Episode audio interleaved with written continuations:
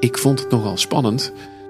Ik kan me herinneren dat een van de eerste bezoekjes was eh, een moeder en een zoon. En die moeder die eh, was uh, aan het dementeren. En zij gingen samen naar de klankkast toe. Dus ik laat die twee ook alleen in die kamer, die deur gaat dicht. En ik stond op de gang en denk, nou, um, wat gaat dit geven? Wat, wat komt hieruit? Want een kast waar geluid uitkomt en uh, voorwerpen automatisch gaan bewegen, lichtanimatie, scheureffecten. Ik denk, die vrouw die wordt knettergek, dacht ik. Die, die gaat, nou, dus ik vond het heel spannend. Uh, maar na een tijdje ging de deur open en uh, stonden ze beiden met tranen in hun ogen. Zij van het lachen, want ze had een woordje gehoord. Het speelde af in Limburg. Schottelsled. Poetsdoekje.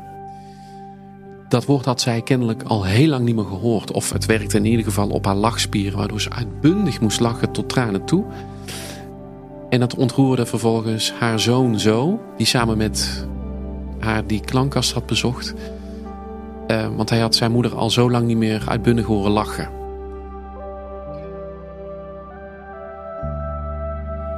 Nou, dat vond ik een cadeau wat ik daar als maker kreeg, wat we als maker kregen. Vond ik heel erg fijn.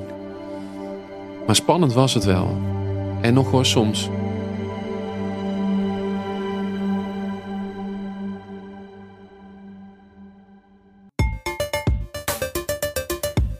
Welkom bij Wij zijn kunstenaar. In deze podcast zoeken we uit hoe en of kunst kan zorgen voor verandering. Mijn naam is Diede Vonk en ik spreek met creatieve makers die onze wereld kritisch bevragen. Ze betrekken bij hun projecten gewone mensen uit de samenleving, zoals jij en ik. Ik zie je helemaal stralen als u dat hoort. Ja, nou dat is toch ook geweldig, of niet? Dat ze dat hier neerzetten. Grandioos. Is het een illusie om te denken dat kunst echt iets kan veranderen? Of maken deze projecten daadwerkelijk verschil voor de makers, deelnemers en de wereld om ons heen? Maar het maakt dus niet uit of je in het Tegels of in het Twents dialect of in het Turks bent opgevoed. Uiteindelijk ga je met z'n allen terug, gaan jij en ik terug naar die thuistaal naarmate we ouder worden. De initiatieven die ik in deze serie onderzoek hebben steun gekregen van het Vriendenloterijfonds. Ik hoop dat de makers en deelnemers van deze projecten me kunnen leren hoe we onze maatschappij beter en mooier maken.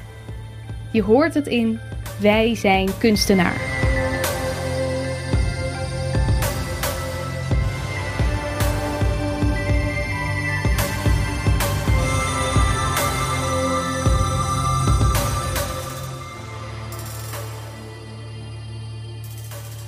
Oeh, ik had er wel twintig paar. Twintig. Aait op hart. Op bedrijf ook. Ho, wisse. Op bedrijf zekers. En als je op traf ging, tip tip, daar ging ik. Met bijna de stad in. Dit is Marie. Op zulke hoge pin. Ja, zo hoog. Een bijzondere nieuwe bewoner van het woonzorgtehuis Karint Reggeland in Hengelo, waar ik vandaag op bezoek ben. Maar Marie is niet zomaar een bewoner. Ik ben uh, Lubert, Lubert Priems, ben documentairemaker en uh, toevallig de initiator van uh, Marie. Marie is een, een, klankkast en een podcast over taal en thuis. En um, dat speelt zich eigenlijk voornamelijk fysiek af in een echte fysieke kamer. Dat is de nieuwe kamer van Marie, want Marie is verhuisd. Moest ook wel. Dus ze heeft nu um, ja, nieuwe buren. Ze heeft hulp, ze heeft zorgmedewerkers. Uh, ze heeft ook keukenpersoneel zelfs. de aardappels hoeft ze niet meer te schillen. Had ze altijd al een hekel aan, maar toch, hè, uiteindelijk moet je daar een nieuw thuis van zien te maken. In een verpleeghuis, in een zorgtehuis zoals dit. Ja, hoe doe je dat? Hoe doe je dat? Je thuis voelen op een plek die in alles anders is dan je gewend bent. Daar helpt het personage Marie bij. Ouderen, bewoners en verplegers van het tehuis kunnen langs op de kamer van Marie. Om te luisteren naar haar ervaringen over jezelf thuis gaan voelen op een nieuwe plek. Dus die kamer van Marie die hebben wij ingericht met tweedehands kasten. En daardoor, als je daar binnenstapt, uh, stap je eigenlijk in een levensgrote Twentse klankkast. Allemaal tweede kast, uh, tweedehands kasten. Alsof het uh, ouderen eigenlijk zelf zijn. Dus ze hebben allemaal sporen van het verleden bij zich. maar we zetten ze wel altijd in een boenwas. Zodat ze echt stralen. En als je dan een kastdeurtje open doet, daar in die kamer, in die bijzondere klankkast, dan begint Marie tegen jou te praten. Hoe het is om een thuis te moeten maken op je oude dag in een zorgtehuis van een paar vierkante meter. De Twentse Marie heeft ook een aantal zussen. De Limburgse Miet, Brabantse Mia en binnenkort ook de Turkse Miral, Amsterdamse Meta en Vlaamse Mariette uit Tongeren. In al deze verschillende talen en dialecten kunnen ouderen luisteren naar de verhalen. Maar het begon allemaal in Limburg, met het persoonlijke verhaal van de vader van taalkundige Leonie Kornips. Ja, mijn naam is uh, Leonie Kornips. Leonie is taalkundig onderzoeker bij de Universiteit van Maastricht en de initiatiefnemer van het onderzoek naar taal en thuis, waaruit Miet, Marie en de rest geboren zijn. Want toen Leonie's vader verhuisde naar een verzorgingstehuis, gebeurde daar iets opmerkelijks. Het gekke was, op het moment dat hij daar in het verzorgingstehuis zat, dat was een echt, ging hij opeens Maastrichts praten. En dat was zijn moedertaal. Echt heeft een ander dialect dan het Maastrichts. Maar met mij en met de kinderen en met mijn moeder heeft hij altijd alleen maar Nederlands gesproken. Dus opeens gebeurde daar iets bij mijn vader dat hij alleen nog maar, of alleen nog maar, maar heel veel in het dialect sprak. En dat vond ik zo inspirerend om te kijken wat gebeurt er op het moment dat je die fase ingaat naar het verzorgingstehuis toe gaat en, hij, en dat je dan uh, om je thuis te voelen in dat verzorgingstehuis, want dat is het natuurlijk, het is uh, je taalkeuze bepaalt natuurlijk ook uh, hoe je wil aansluiten en identificeren in je nieuwe omgeving. En dat het dialect dan opeens zo'n grote rol gaat spelen. En ook in het Maastrichts, wat toch echt wel 60 kilometer van echt vandaan ligt. Dus ondanks dat haar vader in echt naar een verzorgingstehuis ging, schakelde hij opeens terug naar het Maastrichtse dialect. Een dialect dat hij ook nog eens zijn hele leven lang nooit met Leonie gesproken had. Maar Leonie vindt het geweldig. Toen hij naar het verzorgingstehuis ging, ja, heb ik alleen maar ontzettend zitten te genieten en uh, geluisterd naar hem. Hij, hij kreeg ook een andere mimiek. Hij kreeg ook andere gebaren. Dus ook zijn lichaam veranderde als hij in het dialect sprak. En dat was echt zijn manier om de controle te nemen, om zich te kunnen identificeren in, in dat tehuis. Bij Leonie begint er een vuurtje te branden. Dit moet ze onderzoeken. Gaan we allemaal uiteindelijk terug naar onze thuistaal? En welke invloed heeft taal als je naar een verzorgingstehuis gaat? Jolien Makkinga gaat als onderzoeker voor Leonie aan de slag. Ze is cultureel antropoloog en dompelt zich een jaar lang volledig onder in een verzorgingstehuis. Dus Jolien heeft bijvoorbeeld de bedden opgemaakt, eten uitgedeeld, eh, maar ook met mensen uren op de kamer gezeten en uit het raam gekeken. Uh, naar muziek samen geluisterd of samen naar de, het kine of zoals je het hier noemt, bingo, uh, geweest, naar allerlei activiteiten. Die kwam natuurlijk met heel veel observaties thuis. En waar Jolien toch al heel gauw mee kwam, was dat, dat dialect spreken vaak een empowering is. Ik weet niet zo goed hoe je dat in het Nederlands moet zeggen. Maar dat juist dat dialect ingezet kan worden om jezelf controle te geven eh, in een situatie waarin je eigenlijk geen controle meer hebt. Ik kan me bijna niet voorstellen hoe het is om aan het einde van je leven opeens zoveel controle los te moeten laten.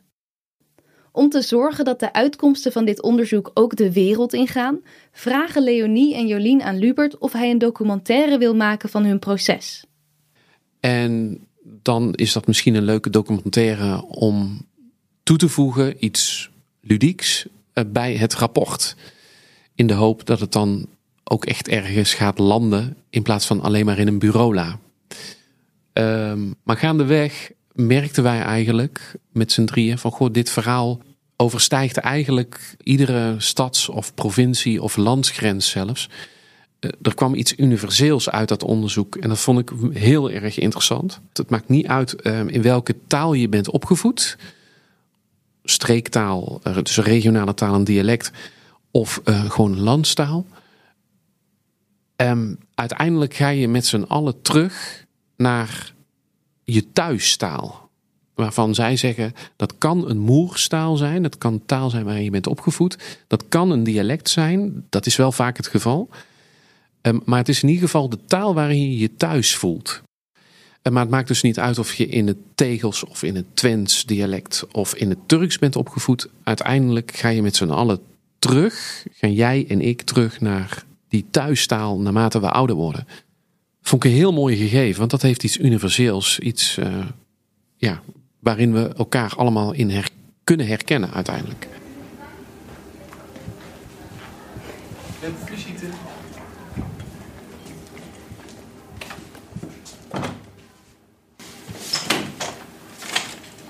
Hallo. Hallo. Dag. Diede Vonk. Van Stelt. Hallo. Bewoner. En? Hallo, ik ben Saskia. Ik werk hier in Humanitas. Kijk. Ja. En u woont hier? Ik uh, woon hier, ja. ja. Ja? Waar zijn we op dit moment? Nou, we zijn hier in uh, woonzorgcentrum Humanitas.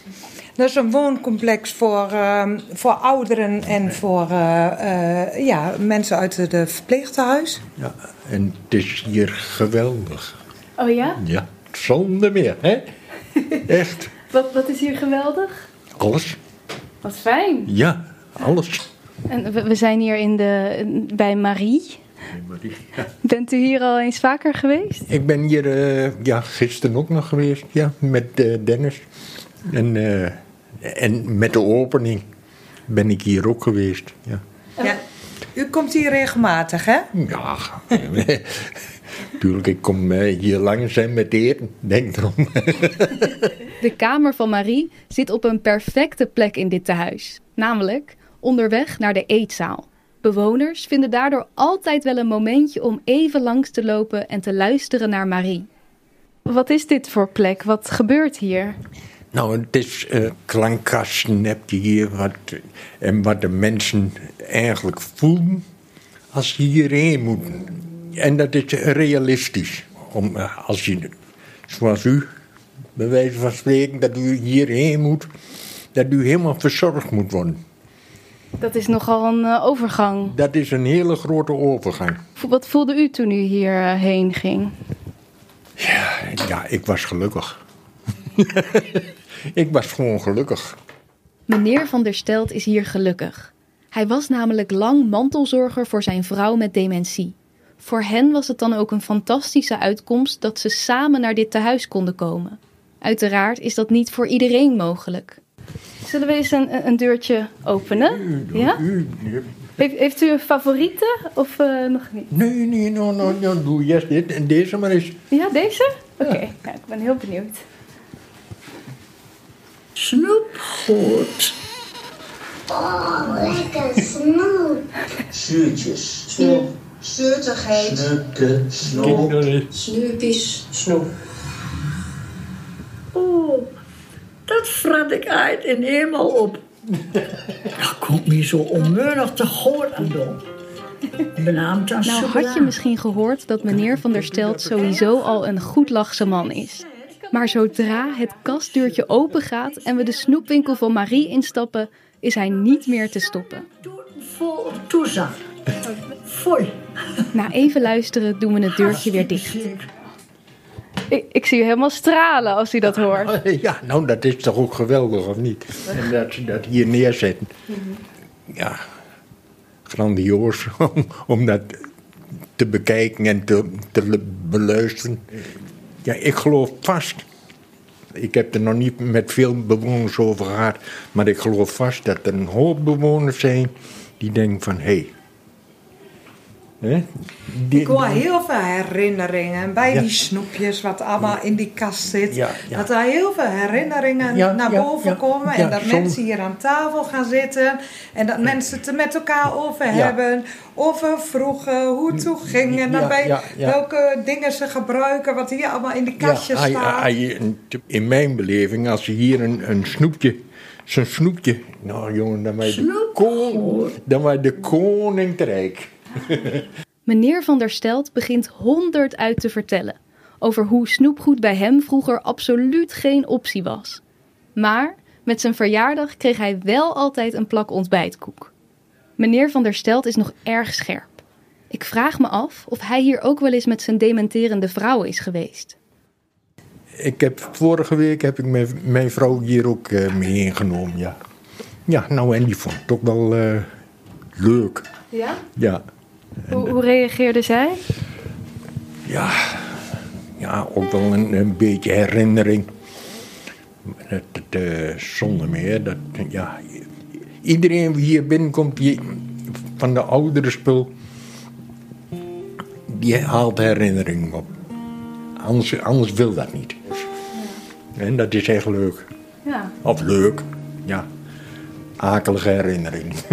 ja, Ja, ook. Ja. Maar ook mooie herinneringen. Ja, hè? ja. Van, eh, Ja. vooral als je dan hier zit, dat je, dat je eh, bepaalde herinneringen Ja, die dan ja, naar boven ja, komen. en waar ja. je het dan met elkaar over hebt. ja. ja. Anders hoef je hier niet naar binnen toe genomen. Nou, Dus of u het nou wilt of niet, er komen wat dingen er boven. komt zonder meer dingetjes naar boven toe. Je hoort het. Er komen allerlei herinneringen naar boven. Mooie herinneringen, maar soms ook akelige. Want niet alle verhalen hier zijn vrolijke verhaaltjes over snoepgoed. Het gaat ook over realistische dingen waar mensen hier dag in, dag uit mee te maken hebben. De leuke en minder leuke zaken. Ik ben benieuwd hoe Lubert deze verhalen heeft ontwikkeld. Dat doe samen met Jacqueline, Jacqueline Kerkhoff, tekstschrijfster. En eh, de verhalen die ehm, eh, door Jacqueline geschreven zijn, die zijn dus echt gebaseerd op de ervaringen van senioren die al in een eh, zorgtehuis wonen. Plus dus die onderzoeksresultaten die daarin gewaarborgd zijn. En wat we met die verhalen hebben gedaan zijn hele kleine anekdotes van een minuut, anderhalf. ehm, waarin we steeds iets toevoegen wat dat onderzoek vertelt. Want zij zeggen die thuistaal, dat vormt echt voor bewoners eh, een anker, een houvast. Eh, kan troost bieden, kan ook functioneren als medicijn of wordt ook ingezet als wapen. En we hebben met de verhalen geprobeerd om eh, die elementen afwisselend eh, te laten terugkomen in de verhalen van Marie. Waardoor Marie ook echt een mens wordt zoals jij en ik. ehm, ehm, ook zoveel mogelijk weg van beeldvorming. Want ja, we kwamen er echt wel achter ehm, dat de ouderen echt niet eh, nou ja, oud en krakkemikkig zijn en alleen maar achter de, de plantenbakken kunnen zitten in een verzorgingshuis. Dus we vonden het heel fijn om, ehm, eh, om ook een lieve Marie, maar tegelijkertijd ook een Marie op te voeren. Waar je denkt van wat een takkenwijf. Ehm, of dat ze juist eh, getroost moet worden. Dat je er echt medelijden mee hebt. Eh, maar ook een uitbundige Marie.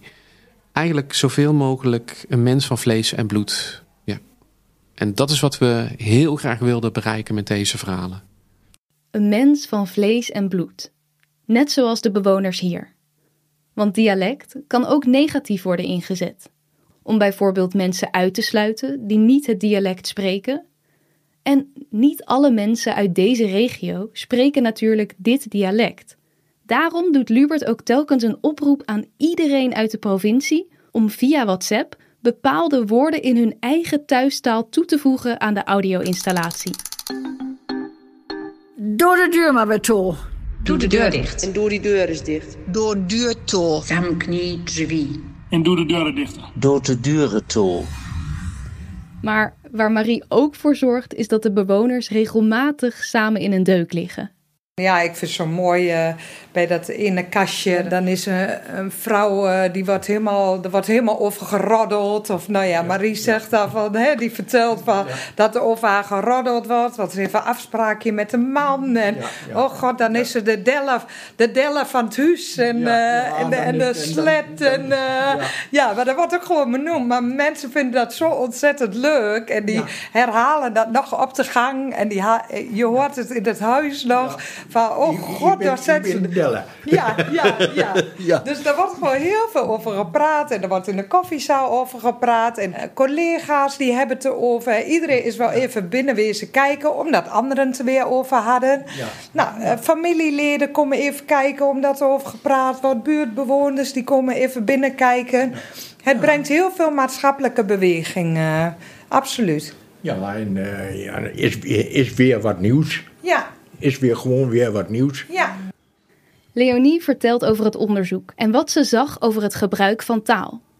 Ook dat daarin nog regelmatig veel misgaat. Kijk, ouder worden uh, ondergaan we allemaal. Uh, en we weten dat er heel veel leeftijdsdiscriminatie is. Uh, en dat is eigenlijk heel gek, want we worden allemaal ouder. dat is nou de enige discriminatie die we zelf allemaal zullen ondergaan. en uh, ook wanneer je naar uh, Miet luistert, hoor je ook al hoe de ouderen spreken over hoe ze af en toe aangesproken worden. Voel je ook al van ja, dat zou ik zelf ook niet willen als ik ouder werd. Wat, wat toch ook wel opviel in het verzorgingstehuis is dat wanneer je als verzorger spreekt tegen een oudere iemand, dat je eigenlijk er automatisch al een beetje van uitgaat dat die ander niet goed hoort. Zonder dat eerst van tevoren te vragen of te signaleren of iemand goed, niet goed hoort. Dus wat verzorgenden kunnen doen, is bijvoorbeeld al heel erg luid gaan praten. Terwijl dat voor de, degene, voor de bewoner, ja, onzinnig is, want het gehoor is gewoon goed. Of verzorgenden gingen heel langzaam spreken en duidelijk articuleren. Waardoor dan de bewoner het idee krijgt, ja, ben ik soms achterlijk of zo. Of dat verzorgende taalgebruik gebruiken waar je echt niet mee geconfronteerd wil worden. Bijvoorbeeld, we gaan ons nu eerst wassen. Je wil helemaal geen we horen. Uh, dus het taalgebruik op zich uh, is al iets waar heel veel bewoners toch mee worstelen. Ik snap deze kritiek op het zorgsysteem. Maar ik vind het als buitenstaander ook lastig. De druk in de zorg is al enorm hoog. Is het dan zo gek dat ze niet bij elke persoon weten of die wel of niet goed hoort? Of laat staan dat je kan verwachten dat ze weten in welk dialect deze persoon graag aangesproken wil worden? Ik leg mijn vragen neer bij Lubert. Nou, ik denk dat het ook een soort automatisme is op een gegeven moment hoor. Dus het is, ik denk dat je er heel even bij stil moet staan voordat je gaat van goh, oh ja. En soms gebeurt het al vanzelf. Hè? Sommige zorgmedewerkers gaan al automatisch een dialectliedje zingen in plaats van een Engelstalig liedje.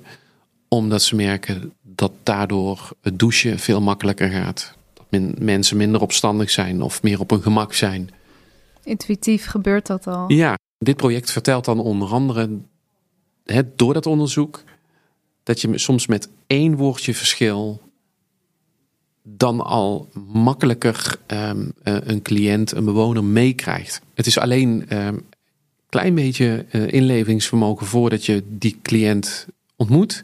Van, oh ja, wat was het ook alweer? Moet ik daar nu houdoe tegen zeggen? Of doei doei? Of adiwa? Of is het Haskal? Um, maar als je dat al mee hebt, dan lukt het kennelijk makkelijker om uh, ja, zorg te verlenen. Om mensen onder de douche te zetten. Of dat ze makkelijker zeggen wat er aan de hand is. Dat ze de achterste van hun tong laten zien. Een kleine aanpassing vooraf die het uiteindelijk juist makkelijker moet maken om zorg te verlenen. De manager van dit verzorgingstehuis, Patrick Citeur, legt uit hoe taal kan helpen om zorg soepel te laten verlopen. Een zorgverlener zei tegen mij: uh, Goh, ik snap nu wel uh, waarom het zo goed werkt, dat dialect. Ze had een heel mooi voorbeeld van een uh, bewoner hier die ja, heel angstig is voor uh, naalden. En die bewoner die moet elke dag uh, insuline krijgen. Dus dat is echt wel een strijd elke dag. Uh, elke dag is het weer ja, een beetje angst bij die bewoner. En Ze had uitgevonden dat als ze een kinderliedje zong in het dialect, dat die bewoner daardoor afgeleid werd. En dat het injecteren van de insuline eigenlijk zonder problemen ging. De bewoner had het helemaal niet door. Toen zei uh, die verzorgende zei tegen mij: Ja, dit moeten we natuurlijk vaker doen. Want ik heb dit ja, toevalligerwijs uitgevonden, maar ik snap nu waarom dat zo is. Waarom dat werkt. Dus ik denk dat dat een hele grote bewustwording is voor heel veel mensen, heel veel verzorgenden hier in dit huis. Uh, dat dialect een hele grote rol kan spelen uh, in het welzijn van de bewoners. Nou, ik denk dat um, de bewoners hier uh, door de coronaperiode heel veel gemist hebben. Nou, dat is ook in het landelijk nieuws geweest, hoe, uh, ja, hoe schrijnend het eigenlijk was in de ouderenzorg. En het voelt voor mij ook een beetje als dat we iets goed moeten maken voor ze. Dus ik wil zoveel mogelijk goed doen in het, uh, op het gebied van welzijn voor de bewoners hier. Meer welzijn voor ouderen en meer bewustwording onder verplegers is absoluut door Miet, Marie en de zussen verder doorgedrongen. Er is al veel verandering gekomen door dit project. Er wordt nu bijvoorbeeld bij verschillende tehuizen in een intakegesprek gelijk gevraagd of iemand nog andere talen of dialecten spreekt. En ook in veel eetzalen worden mensen nu niet meer alleen ingedeeld op kamernummer, maar ook op dialect. Grote uitkomsten dus. Ik vraag Leonie of ze vaker met haar onderzoeken dit soort artistieke samenwerkingen zou willen aangaan. Zou je vaker dit soort samenwerkingen? Ja, absoluut. Ja, eigenlijk alleen maar misschien nog wel eerder dan uh, tien wetenschappelijke publicaties erover. Omdat je daarmee de kennis, uh, de kennis echt naar buiten brengt. Dus je doet iets voor de gemeenschap of voor de groepen of voor de mensen die je onderzocht hebt en je brengt die kennis ook weer terug. En je hoopt dat daarmee ook ja, veranderingen of andere manier van kijken of van beleven kan optreden. Dat Lubert dit voor elkaar uh, gekregen heeft. Ja, dat is natuurlijk ja, geweldig, fantastisch. Eigenlijk is dat de grote output van dit onderzoeksproject. Daar ben ik helemaal tevreden over. En hoe kan dat dan? Dat deze vorm, via een klankkast, gelijk zo tot de verbeelding spreekt en mensen aanzet om andere keuzes te maken. Wanneer je je onderzoek uitschrijft in een publicatie, dan laat je iemand lezen. Maar we weten dat uh, juist het doen veel meer doordringt. Uh, wanneer je lichaam erbij betrokken is en wanneer je dat lichaam dingen laat doen, dat je daarmee uh, andere zaken leert begrijpen. En daarom is meet ook zo belangrijk, want je loopt door de ruimte heen, je maakt kastjes open. dus het wordt gevisualiseerd, heel erg. Het is auditief, dus het is ook intiem. De stem, die het lijkt alsof die stem alleen voor jou spreekt. Uh, en dat hele doen, het bepalen van ga ik naar die kast toe of naar die kast, uh, dat bepaalt dat het eigenlijk veel meer indruk op je maakt dan wanneer je het van een papiertje afleest. En ondertussen draait Miet al zo lang in verschillende gedeeltes en het wordt iedere keer weer vertaald in andere dialecten. Ik hoor ook van Lubert wat de reacties zijn van de bewoners. Hè, want ze kunnen van die kaartjes schrijven. Ja, dat is echt hard, ja, hartverscheurend en ontroerend tegelijk. De kaarten waar Leonie het over heeft, heb ik ook gezien. Ze zijn als een soort gastenboek. Bewoners, maar ook zorgpersoneel en familie vertellen in het kort wat zij hebben ervaren bij de audiobeleving. Beste Miet, wat leuk je gehoord Wat prachtig gemaakt en hoe duidelijk in beeld gebracht dat je in je eigen taal Erg leuk, mooi, interessant, humorvol, super gedaan. Ik kom zeker nog een keer een kast openen. Je bent jezelf. Het maakt niet uit hoe je houdoe. Groetjes Betje. Doei Mia. Een kleine greep uit de kaarten die de bezoekers bij Marie hebben achtergelaten. Het project heeft veel gebracht. En het begon natuurlijk allemaal bij de vader van Leonie. Zelf heeft hij helaas Miet, Marie en de anderen niet meer meegemaakt. Maar door zijn Maastrichtse dialect is dit toch maar allemaal in gang gezet. Ik was echt bij hem, ja, de, uh, bij hem tijdens het sterven. Uh, en toen sprak hij wel de, zijn laatste drie zinnen voordat hij stierf waren dialect tegen me. En hij wist heel duidelijk wie ik was. En dat, ja, dat, dat heeft me echt enorm uh, aangegrepen dat zijn drie laatste zinnen uh, tegen mij in het dialect waren. Uh, laat me gewoon. Dus laat me gaan.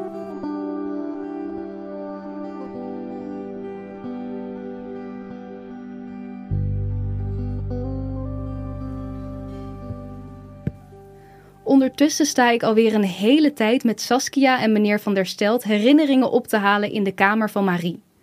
Eén bewoner besluit dat het wel lang genoeg heeft geduurd en wil graag zelf ook nog even naar Marie luisteren. En groot gelijk.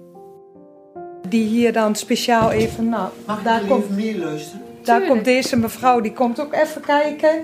Voor ik, hebben. geloof, ik geloof ook wel doordat eh, het in dialect is, dat mensen met een eh, beginnende dementie, dat ze heel veel nog in kopie hebben.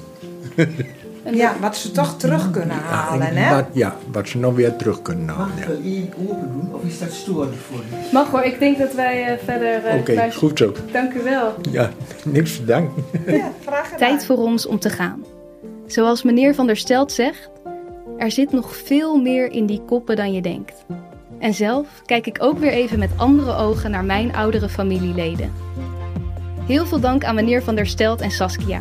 Dank aan Leonie Kornips, Patrick Citeur en Lubert Priems en zijn hele team. Dit project is nog lang niet afgelopen. Er komen dus steeds weer zussen van Marie bij, in verschillende talen en dialecten. Wil je op de hoogte blijven? Ga dan naar stichtinglaudio.nl. Dank voor het luisteren naar Wij zijn kunstenaar, een podcast van het Vriendenloterijfonds. We hopen dat je het een interessante aflevering vond. Abonneer je op de podcast om onze volgende afleveringen niet te missen. Deze podcast is een productie van de Makers Podcast en werd gemaakt door mij, Diede Vonk. De muziek die je hoort is van David Zwarts en de audiomixage is gedaan door Sonja Vos. De initiatieven die belicht worden in de podcast krijgen steun vanuit het Vriendenloterijfonds. Mogelijk gemaakt door deelnemers van de Vriendenloterij. Meer weten over de mooie projecten die zij ondersteunen? Ga naar vriendenloterijfonds.nl.